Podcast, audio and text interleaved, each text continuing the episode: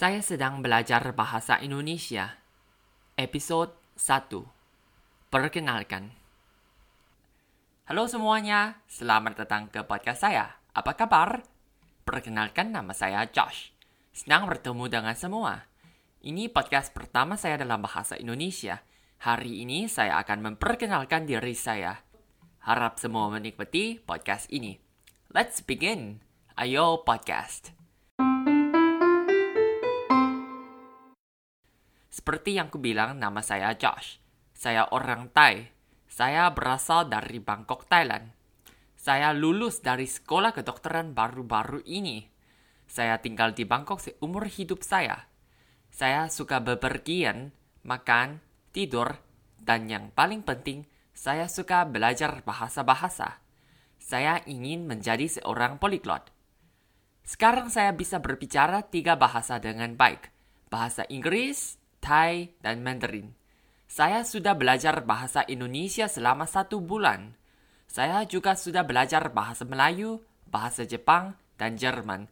Tetapi saya tidak bisa berbicara bahasa Jerman dan Jepang dengan baik. Saya akan memberitahu Anda nanti mengapa saya memutuskan untuk belajar bahasa Indonesia. Untuk bepergian, saya sangat suka bepergian. Saya suka berjalan-jalan di luar negeri, dan saya sangat suka makan makanan asing.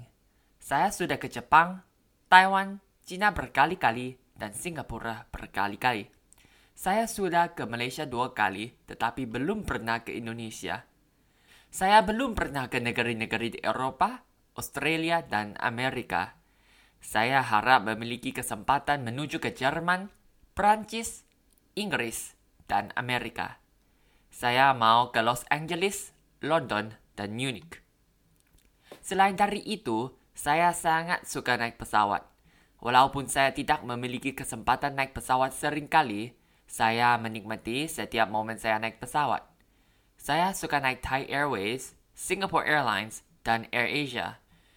Kalian mungkin bertanya-tanya kenapa saya suka naik Air Asia, dan alasannya adalah karena saya suka nasi lemak di pesawat Air Asia. Nasi lemak di pesawat Air Asia bagus sekali. Meskipun saya tidak keberatan duduk di kelas ekonomi, tetapi saya menikmati naik kelas bisnis.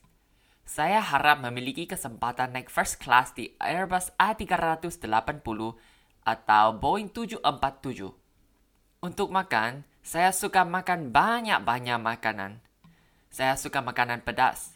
Biarkan saya memberitahu semua, Makanan Thailand luar biasa.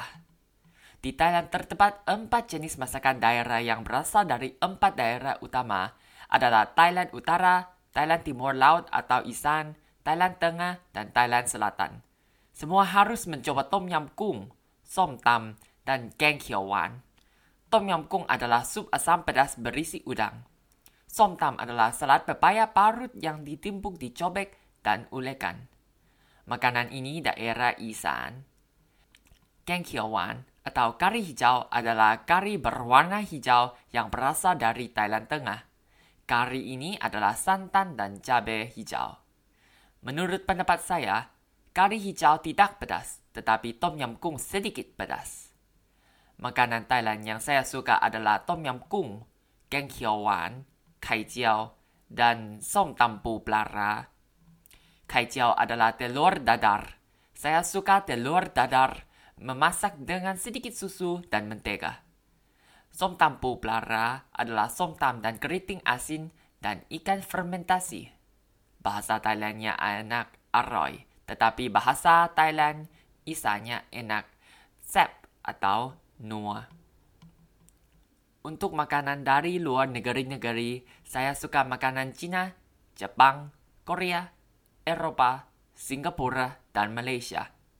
Ketika saya pergi ke Singapura dan Malaysia, saya suka makan nasi lemak dan minum teh tarik.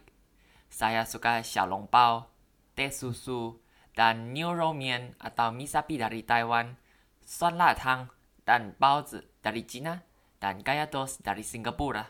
Makanan Jepang yang saya suka adalah sashimi, sushi, ramen, katsudon, dan lain-lain.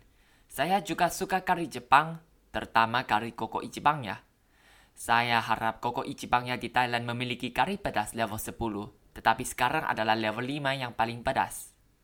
Makanan Korea yang saya suka adalah sundubu jjigae, bibimbap, kimchi, ramen, jajangmyeon, dan barbecue Korean. Saya banyak suka ravioli, risotto, dan penne pasta dengan keju dan truffle. Saya suka makan. Sekarang saya akan memberitahu Anda mengapa saya memutuskan untuk belajar bahasa Indonesia.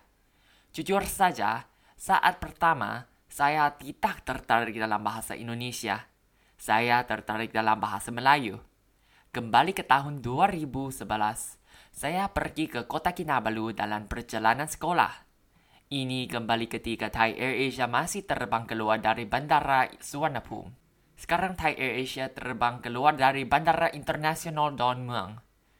Saya naik pesawat dari Bandara Suvarnabhumi ke Bandara Internasional Kota Kinabalu dengan transit di Bandara Internasional Kuala Lumpur. Saya ingat saya suka cheesy wedges di KFC sekali. Saya menuju ke Kamp Bungkut di Sabah. Saya juga pergi ke Sandakan. Saya banyak suka alam di Malaysia. Selain dari itu, ini pertama kalinya saya mendengar bahasa Melayu. Saya ingat saya suka kata terima kasih. Bagi saya, kata ini sangat indah. Lagu pertama yang saya dengar dalam bahasa Melayu adalah Sayang Kinabalu. Saya masih ingat lagu ini. Pada tahun 2018, saya pergi ke Singapura dan keluarga saya. Ketika saya naik MRT, saya mendengar berhati-hati di ruang platform. Saya sangat ingin tahu apa artinya. Saya juga pergi ke Malaysia. Ketika saya naik MRT, saya mendengar stesen berikutnya, KL Central, stesen sambungan ke MRT laluan Sungai Buloh Kajang, laluan monorail KL, KTM, dan ERL. Saya juga sangat ingin tahu apa artinya. Pada akhir tahun 2019, saya memutuskan untuk belajar bahasa Melayu. Saya belajar bahasa Melayu dari guru saya. Saya senang sekali. Setelah belajar bahasa Melayu, saya mulai untuk mengerti lagu Sayang Kinabalu seperti lirik Tinggi-tinggi, Gunung Kinabalu, dan Saya Sayang, Sayang Kinabalu. Saya bahkan membeli buku bahasa Melayu. Setelah awal tahun 2020, saya mulai nonton vlog bahasa Melayu dan bahasa Indonesia di YouTube. Saya suka nonton review penerbangan kelas bisnis dan first class dalam bahasa Indonesia. Saya suka nonton vlog dari channel Captain Vincent Raditya dan Wira Nurmansyah. Saya juga suka vlog tentang bepergian. Saya suka lagu dalam bahasa Indonesia. Saya merasa video dan lagu dalam bahasa Indonesia lebih banyak dari bahasa Melayu. Saat itu, satu-satunya perbedaan yang saya tahu antara bahasa Melayu dan bahasa Indonesia adalah beberapa perkataan dan A berubah menjadi E dalam bahasa Melayu. Seperti saya dan saya, adalah dan adalah. Pada April, saya memutuskan untuk belajar bahasa Indonesia. Jujur saja, pada hari pertama yang saya belajar bahasa Indonesia, saya merasa belajar bahasa Indonesia lebih sulit daripada bahasa Melayu. Pengucapan lebih sulit, terutama R. Saya masih menikmati belajar bahasa Indonesia. Saya membutuhkan waktu lama untuk menyesuaikan diri dengan pengucapan dengan A dan R. Tidak mudah, sulit sekali. Hari ini saya ada di sini sedang memulai podcast. Saya harap saya akan belajar bahasa Indonesia dari mempersiapkan podcast.